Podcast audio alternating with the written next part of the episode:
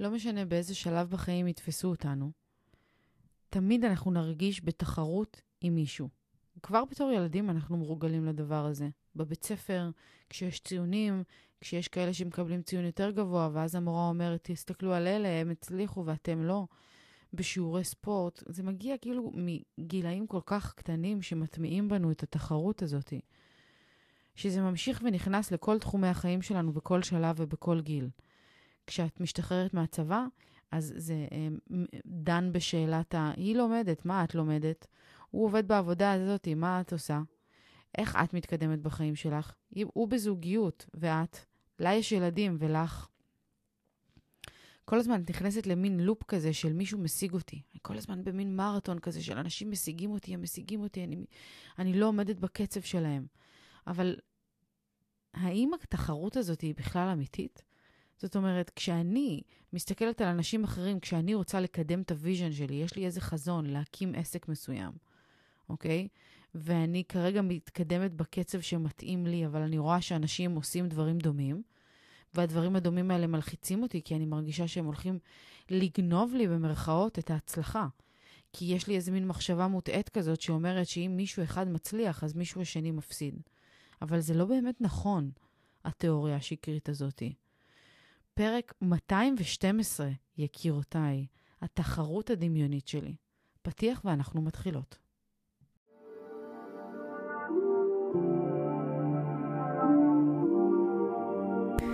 ברוכות הבאות יקירותיי לפודקאסט אימפרית אימהות בצמיחה. כאן אנחנו מדברות תודעה, אהבה ואמת, בשילוב עם כל השיעורים והניסיונות והקשיים שאנחנו עוברות בדרך, הן באימהות והן בחיים בכלל. אז רגע לפני שאנחנו מתחילות, תפתחו את הראש, תנקו את המחשבות ותהיו מוכנות לצלול פנימה. הנה זה בא.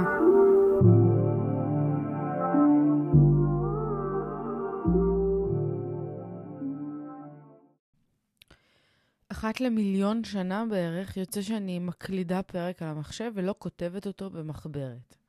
פשוט אתמול באמצע הלילה, כשכבר התכוונתי ללכת לישון בלי שום פרק כתוב, ואמרתי, אני אקום בבוקר ויהיה בסדר ונעשה משהו. באמצע הלילה, לפני שהלכתי לישון, התחלתי לסדר את הלו"ז והמטלות שלי לימים הקרובים. לראות מה יש לי לעשות, וכו', מה כבר עשיתי, לסמן וי, לשמח את הלב שלי. ואז פתאום עלה לי מין פלשבק כזה, נזכרתי בסרטון שראיתי כמה דקות קודם, ברילס שראיתי כמה דקות קודם באינסטגרם, של שתי בחורות שיושבות ומראיינות את לירן כהנר לפודקאסט.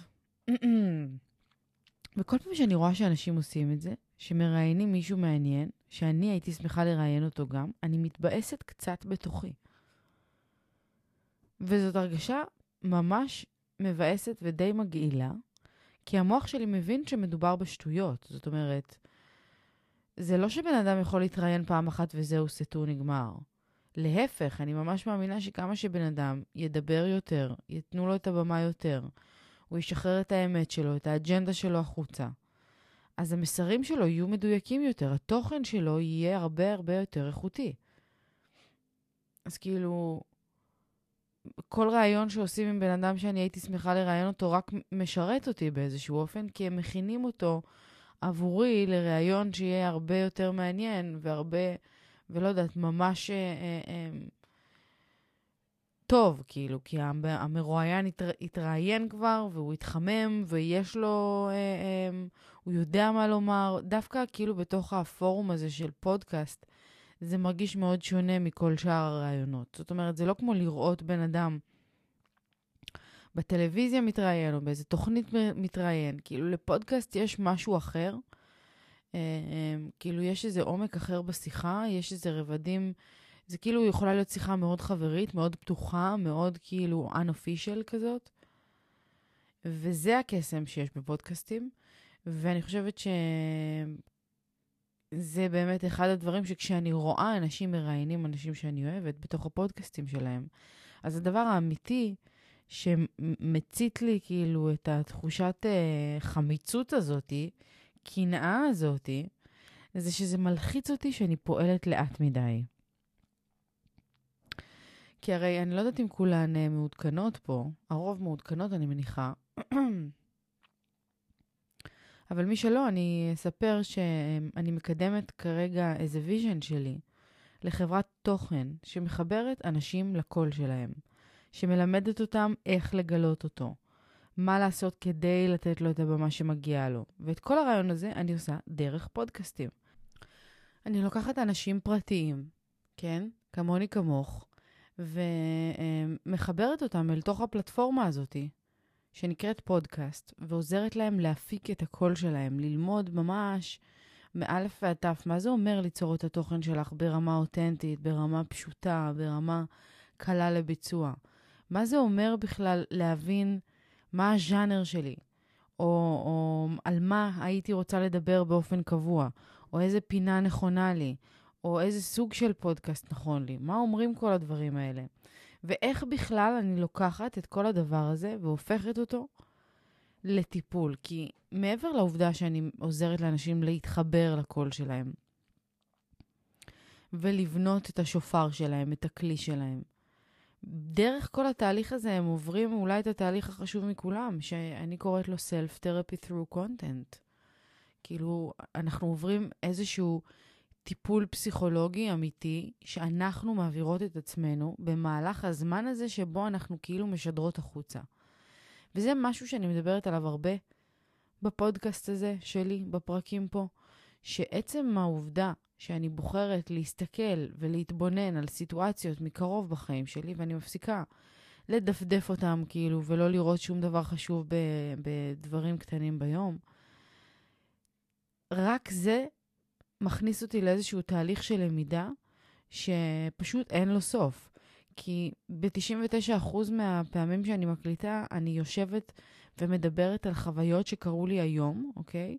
על חוויות שקרו לי היום, שקרו לי אתמול, על דברים שאני מרגישה שהיה לי לא נעים איתם, או שהיה לי מאוד נעים איתם, ואני פורטת את מה קרה שם באמת.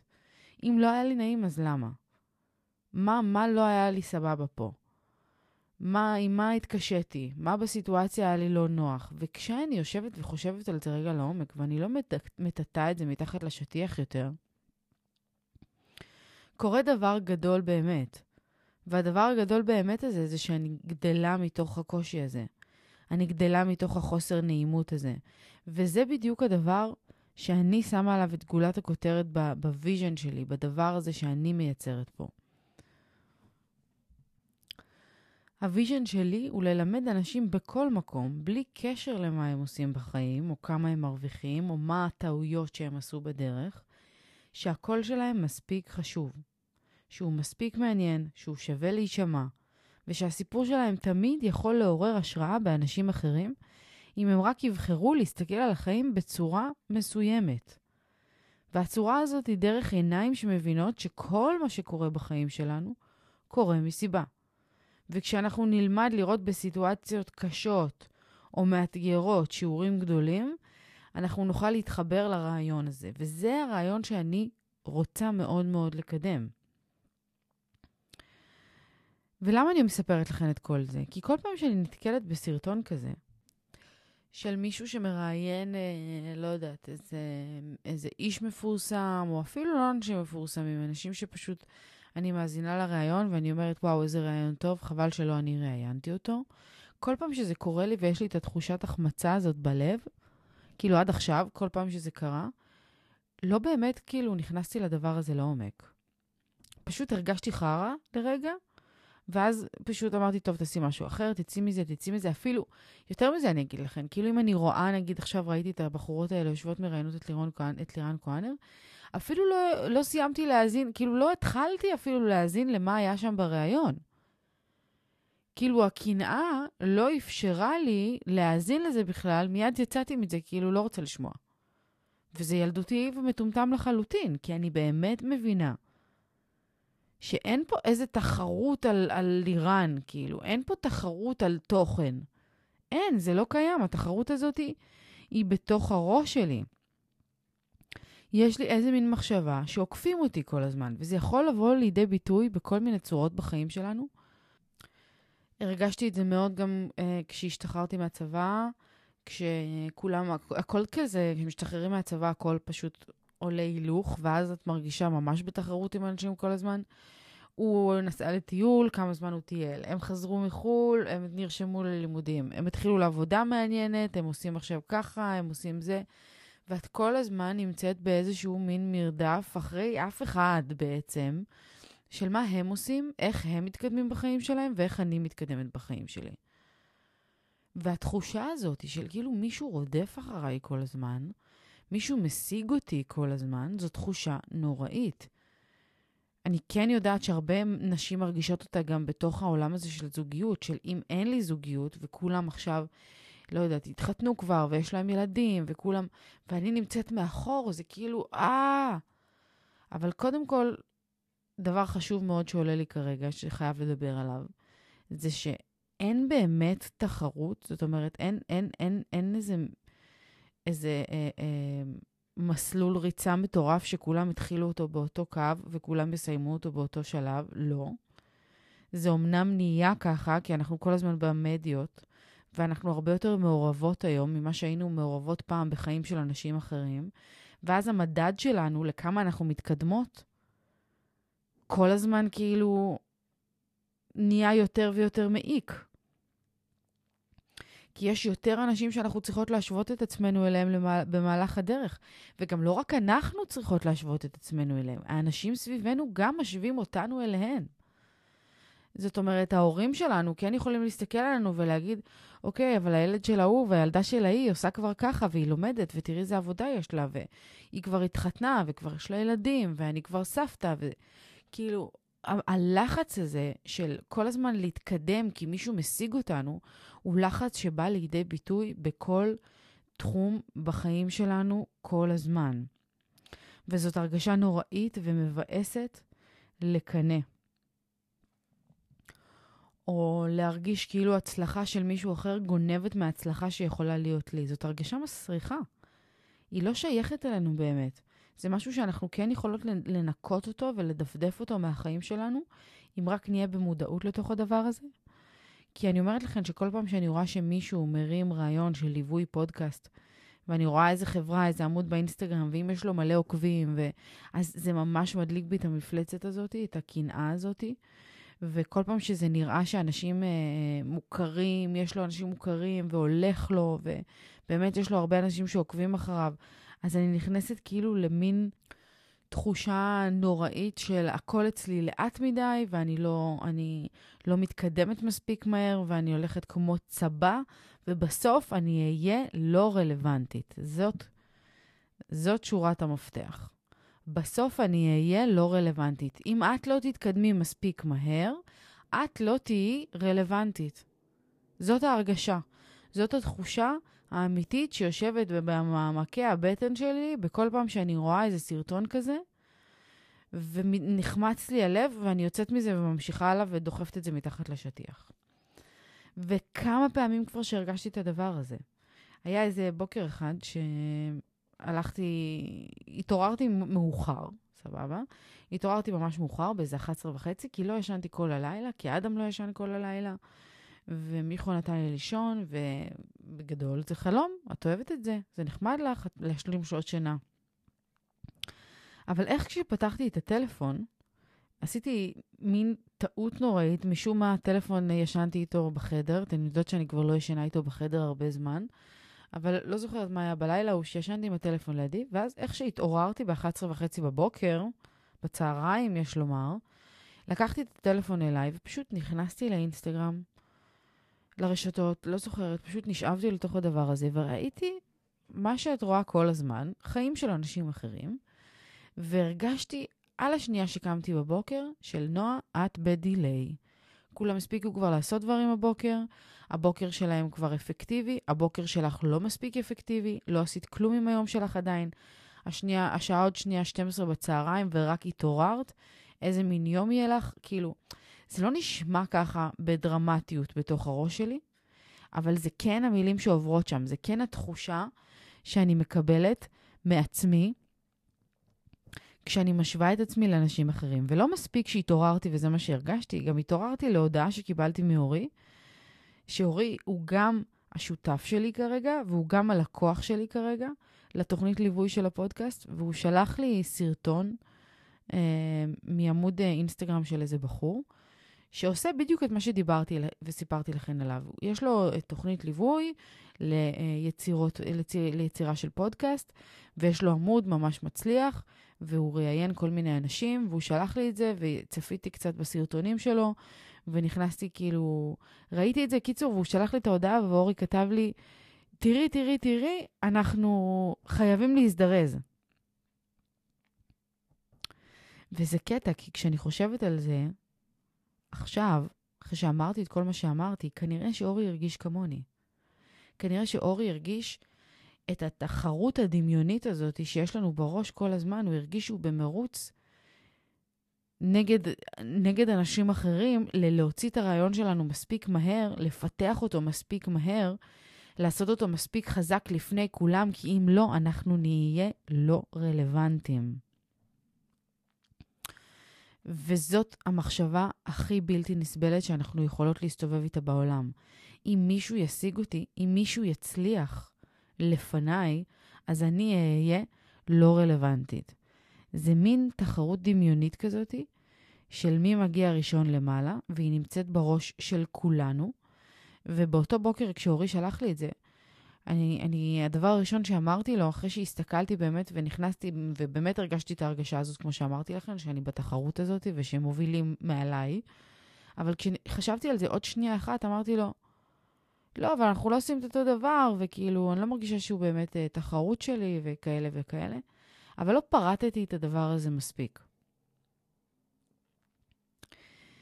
מה שאני באה להגיד לכן, יקירותיי, זה שאני כבר הרגשתי את החמצמצות הזאת בלב כמה וכמה פעמים, ואף פעם לא הצלחתי לפתור את זה באמת. ואתמול בערב זה סוף סוף קרה. אולי כי ישבתי פה עם מיכו לפני ודיברנו על הרעיון שלו, על זה שהוא סוף סוף הצליח לדייק אותו, לזקק אותו למשפט שאי אפשר לסטות ממנו. זאת אומרת, יש לו חזון מאוד ברור, ואת החזון הוא זיקק לרעיון שהוא... יכול לקחת אותו, ולא משנה מה הוא יעשה בחיים, הרעיון נמצא מעל הכל, אוקיי? הוא רוצה להגיע למצב שהוא רוצה לעבוד חמש שעות בשבוע, זה אומר שעה ביום, מראשון עד חמישי, ושהעסק שלו יכניס יותר ממה שהוא אה, מוציא, כאילו שכל סך ההכנסות יהיו יותר גבוהות מסך ההוצאות שלנו, ושהעסק הזה יעבוד ב-90% מהזמן בלעדיו. זאת אומרת שהוא לא יהיה תלוי בו. עזבו את העובדה שאני מאוד אוהבת את הרעיון, ואני חושבת שזה רעיון מדהים לשים לנגד העיניים ולרוץ אליו, כי הוא פותח לנו את ה mind לעשות כל כך הרבה דברים גדולים. לא להתעסק אה, בדברים הקטנים ולהבין שבאנו לפה לעולם בשביל לקחת את העסקים שלנו ולהתייחס אליהם כפלטפורמות להגשמת החזון שלנו, לעשות דברים גדולים בעולם. ואנחנו לא יכולות לעשות דברים גדולים בעולם אם אנחנו נהיה עסוקות כל הזמן, מבוקר ועד לילה, בתחזוק שוטף של העבודה שלנו, של העסק שלנו. אנשים מסתכלים על העסק שלהם ואומרים, זה מפעל חיי, אבל העסק הוא לא מפעל החיים שלנו בהסתכלות נכונה, בעיניי. הוא פשוט הפלטפורמה שנותנת לנו את האפשרות להגשים את החזון שלנו ואת החלומות הגדולים באמת שלנו. להיות עם המשפחה, לזמן איכות, לזוגיות שלנו, להגשים רעיונות גדולים, לעשות דברים טובים למען האנושות. לא חסרים דברים מדהימים שאנחנו יכולים לעשות עם הזמן שלנו, ואם נדע לבנות את העסקים שלנו בצורה כזאת שהם לא יהיו זקוקים לנו בטווח הארוך, אז אנחנו נגיע לדרך המלך, ללא כל ספק. אבל זה משהו אחר, זה באמת הרעיון של מיכו, ואתמול כשישבנו במרפסת והוא סיפר לי את הרעיון הזה והוא זיקק לי אותו, מאוד מאוד מאוד מאוד התרגשתי. אני יודעת שזה משהו שהרבה מאוד זמן הוא רוצה לעשות, לזקק את זה, מי, גם אני מאוד רוצה לעשות את זה, ואני חושבת שזה פשוט נתן לי את המוטיבציה. אמ, באמת לחשוב לעומק, כאילו, לחשוב קצת יותר לעומק על הדברים. וכשסיימנו את השיחה, במקרה או שלא, מצאתי את עצמי אה, מעושנת על הספה, תפוסה בצורה מזעזעת מאימון שעשיתי שלשום, ואחרי שכבר הכרזתי שאני הולכת לישון, כאילו, המחשב היה בהישג ידי, ממש במרחק היד שלי, הוא ישב בתוך התיק, ואמרתי, אוקיי, אני אפתח את המחשב כדי לשלוח לאורי את הסיכום פגישה שלנו למייל, ופתאום גלשתי ל Trello, וסידרתי משימות, ונכנסתי ליומן, ו... קיצור, כזה נשאבתי קצת למחשב, ואז הזיכרון הזה של לירן כהנר מתראיינת הפציע במוחי העייף. מבינות? כאילו, פתאום תוך כדי הדבר הזה, זה היה הרגע שבו קפץ לי ה vision הזה, שאני רואה את השתי בחורות יושבות ומראיינות אותה. ושוב תחושת החמיצות הזאת הגיעה. כאילו, הרגשתי שוב כאילו אני רצה מרתון ואני מסתכלת לצד ואני קולטת שעוקפים אותי. זה מה שהרגשתי. אבל השוני הפעם מכל הפעמים הקודמות זה שהפעם התבוננתי אל תוך הסיטואציה. לא ברחתי מהתחושה הזאת כמו שעשיתי עד עכשיו, ופשוט החלטתי לכתוב את זה. פתחתי מסמך בגוגל דוקס, איפה שאני כותבת את כל המסמכים שלי, את כל התוכן שלי, ופשוט התחלתי לכתוב, ממש הכי רנדומלי שיש, כמו שאני עושה כשיש לידי מחברת. ובדרך, תוך כדי הכתיבה, גיליתי שזה מתחבר לנושא שכבר הרבה מאוד זמן רציתי לכתוב עליו, והנושא הזה הוא תחרות. ואז גם יצא לי חידוד של החזון שלי, כמו שממש רציתי להוציא. ואז זה הכה בי. אני לא מתחרה בבחורות האלה. אני לא מתחרה בבחור הזה שאורי שלח לי בבוקר. אני לא בתחרות עם אף אחד מהאנשים האלה, כי החזון שלי הוא רק שלי. והתחרות היחידה שיש לי היא מול עצמי. להצליח לנצח את הדחיינות שלי, את החולמנות שלי, את הלוז שלי, את הרפיון מוטיבציה שקורה. אלה דברים שקורים ומגיעים באופן טבעי בחיים שלנו, לכולנו.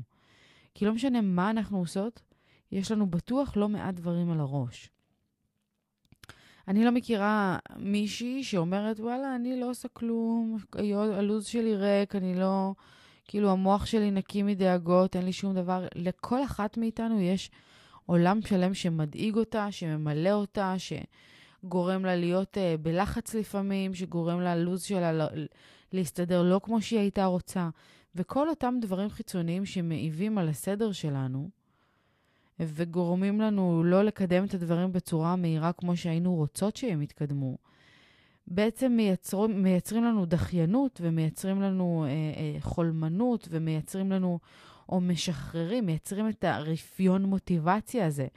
כאילו, את יכולה להיכנס לרעיון ברבק ולהגיד, אין, זה הדבר שלי, ואני הולכת לעשות את זה בטירוף, ולעוף על החיים, ו... ויום ועוד יום ועוד יום עוברים.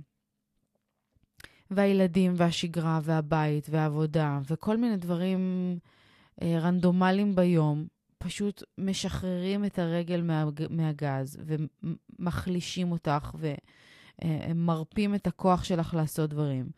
וזאת התחרות האמיתית שלנו מול עצמנו, להצליח לנצח את הדחיינות הזאת, להצליח, להצליח לנצח את כל מה שמונע מאיתנו להיות ב-100% יכולת.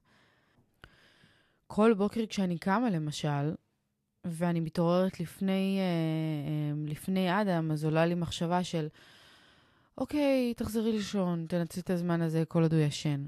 והמחשבה הנכונה והאמיתית שעולה לי בראש זה לא, קחי את הזמן הזה ותנצלי אותו להקליט פרק עכשיו, כי זה הזמן שלך שיש לך שקט, שאת פנויה בראש, שאת אה, אנרגטית מאוד, שאת מלאה במוטיבציה, ב... בגוד וייבס, ולמרות שאת לא מרגישה את המוטיבציה ברגע שאת נמצאת בשלב הזה של לפני ההחלטה לקום ולישון, את יודעת שברגע שאת מתיישבת על המחשב, השעה הזאת, היא הראשונה שאת קמה בבוקר, זאת השעה הכי יצירתית שלך, הכי חדה שלך, הכי מדויקת שלך.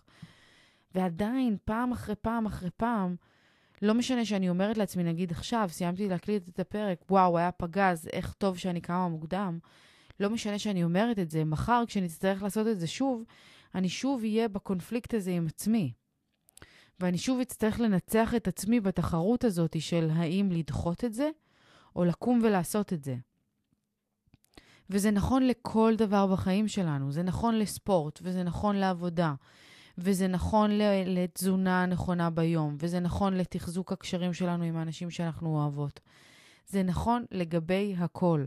התחרות היחידה שלנו בעולם זאת התחרות שאנחנו מקיימות מול עצמנו. כי תחושת התחרות הזאת, ומה שמדאיג אותנו באמת, באמת, באמת, יקירותיי, וזה, אתן חייבות לזכור את הדבר הזה, זה שאנחנו לא עושות כל מה שאנחנו יכולות כדי לנצח את עצמנו וכדי להגיע לאן שאנחנו רוצות. ואם האנשים שעוקפים אותנו במרכאות כן עושים את מה שהם יכולים, אז אנחנו אוטומטית מרגישות רע עם עצמנו. וכשאני מתעוררת בשעה 11 בבוקר, 11 וחצי בבוקר, ונכנסת לאינסטגרם ישר, ורואה את כל האנשים האלה שזה... אה, אין מה לעשות, זאת כוחה של המדיה. הם מראים לי שהם כן מצליחים, להם יש מלא עוקבים במה שהם עושים. יש להם אנשים מפורסמים שבאים להתראיין אצלם, התוכנית שלהם עובדת, הם נשמעים טוב, הם נראים טוב, הכל קורה אצלם. אז באופן אוטומטי המוח שלי חושב של... הם עושים את כל מה שהם יכולים כדי להצליח ואני לא. אני לא מוציאה את עצמי מאזור הנוחות שלי, אני קמה ב-11 וחצי, וזה מרגיש לי הפספוס. וכאן מרגישה הרגשת התחרות הזאת. שאני בעצם מרגישה שיש אנשים אחרים שעוקפים אותי כי הם עושים כל מה שהם יכולים כדי להצליח, וזה באופן אוטומטי גורם לי להרגיש רע עם עצמי, כי אני לא מרגישה שאני עושה כל מה שאני יכולה כדי לנצח. לכן, יש רק דבר אחד שיכול לשחרר אותנו מהעול הזה, וזה ללמוד את החזון שלנו. להבין מה באמת מניע אותי ואיזה רעיון אני רוצה לקדם בעולם. כי כשיש לנו את זה, אנחנו יכולות להזכיר לעצמנו בכל פעם שאנחנו נתקלות באיזשהו ניסיון עקיפה במרכאות, שלנו יש נתיב פרטי משלנו. בכל פעם שאני אראה עוד איזה מישהי שמראיינת מישהי, או מישהו שמראיין אנשים, או איזשהו פודקאסט, במקום לקנא על זה שאנשים עושים את כל מה שהם יכולים כדי לנצח את עצמם, אני אסתכל על זה ואני אגיד לעצמי, יש לי נתיב משלי שונה לחלוטין. אני רוצה להשיג משהו אחר לגמרי מאותם אנשים. אני מתכוונת לחבר אנשים לקול שלהם, לתת להם את היכולת ואת ההבנה שהקול שלהם מספיק חשוב, מספיק מעניין, מספיק לגיטימי כדי להישמע. ובתוך הדבר הזה אין לי באמת תחרות. אין לי באמת תחרות. מה שאני מביאה לעולם שונה ממה שכל שאר האנשים האחרים מביאים לעולם. הניסיון שלי, השקפת העולם שלי, הדרך שבה אני הולכת, היא שונה. ולכן השירות שלי הוא שונה. וזה מוציא אותי באופן חד משמעי מהתחרות במרכאות המדומיינת הזאת. זה משאיר אותי בתחרות יחידה שהיא מול עצמי. ולכן, מעכשיו אני משחררת את זה, ואני מבינה שעל התהליך שאני בונה כרגע, של התוכנית ליווי שאני בונה כרגע, של, של האולפנים שאני מייצרת כרגע ובונה כרגע, יש את הקצב שלהם.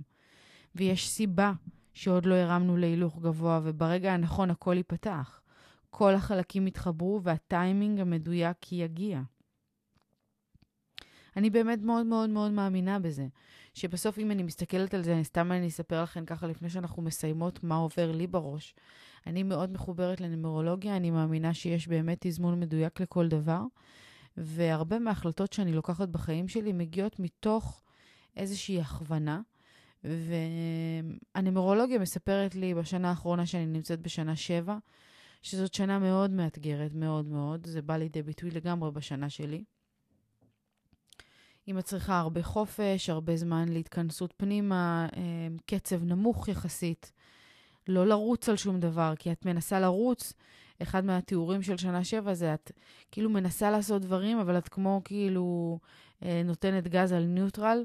שום דבר לא רץ כמו שהיית רוצה, ואז יש איזה תסביך בין מה אני רוצה לבין, לבין מה קורה באמת. ואני מזכירה את זה לעצמי כל השנה הזאתי.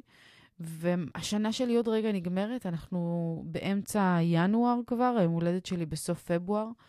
לא נשאר לי עוד הרבה כדי להתחיל את שנה שמונה, ששנה שמונה היא שנה פגז.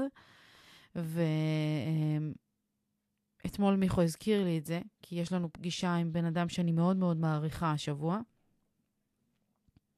שאני מרגישה שהוא הולך להיות המנטור שלי בנושא storytelling. ו... כבר עלו לי מלא רעיונות שאני רוצה להיצמד אליו ולעבוד איתו ולעשות כל מיני דברים וזה, ומיכו הזכיר לי, אומר לי, נועה, תזכרי שנשאר ממש עוד קצת זמן עד, עד כאילו, עד השנה החדשה שלך,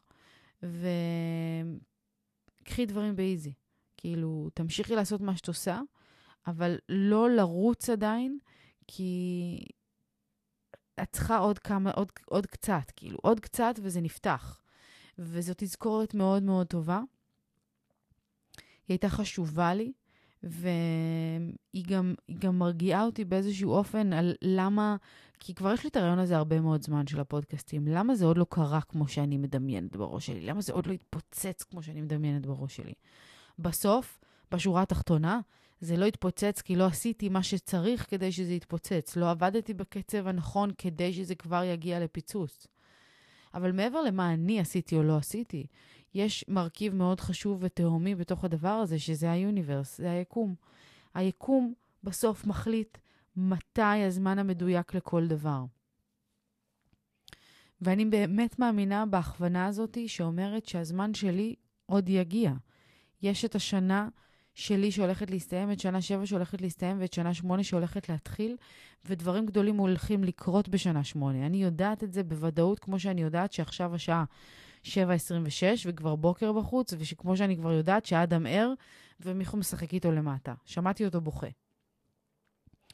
ככה ברור לי שממש עוד קצת, הדבר הזה שאני אה, אה, בונה פה עכשיו, הולך להתפוצץ והולך להגיע לכמה שיותר אנשים, לא כי אני איזה וואו גדול, או לא כי אני, יש לי את התוכנית הטובה מכולם, לא. כי לי יש vision מאוד מאוד מאוד עמוק ומדויק לחבר אנשים לקול שלהם, לתת להם את האפשרות להוציא אותו החוצה בצורה מדויקת, בצורה נכונה להם, בצורה אותנטית, ומי שצריך את הדבר הזה בחיים שלו, ימצא אותי. מי שיהיה צריך את הדבר הזה בחיים שלו, מי שיהיה ברגע הנכון והמדויק עבורו כדי לקחת את האפשרות הזאת, את ההזדמנות הזאת ולבנות לעצמו במה, אז הוא ימצא אותי, ואני אמצא אותו. אז אני לא דואגת יותר. אני כבר לא בלחץ הזה יותר. וגם לירן כהנר, שראיתי אותה אה, מתראיינת אצל הבחורות האלה, ברור לי שהיא תבוא ותתראיין גם בפודקאסט שלי. שהרעיון יהיה פגז וקטלני, ושיהיה מעניין, ושיהיה סוחף, ושיהיה המון דברים. אבל מעבר לזה, גם ברור לי שהיא תיקח חלק בתוכנית ליווי כזאת, כמו שאני מספרת לכם עליה פה, כי אני יודעת שה vision שלי, שמה שאני מאמינה שהיא יכולה להוציא, הוא פשוט מדויק עבורה. אני יודעת שיש לי את הכלים לתת לה להוציא את הקול שלה החוצה בצורה הכי אותנטית שיש, בצורה הכי לא מתנצלת שיש, להבין מה באמת היא רוצה להגיד.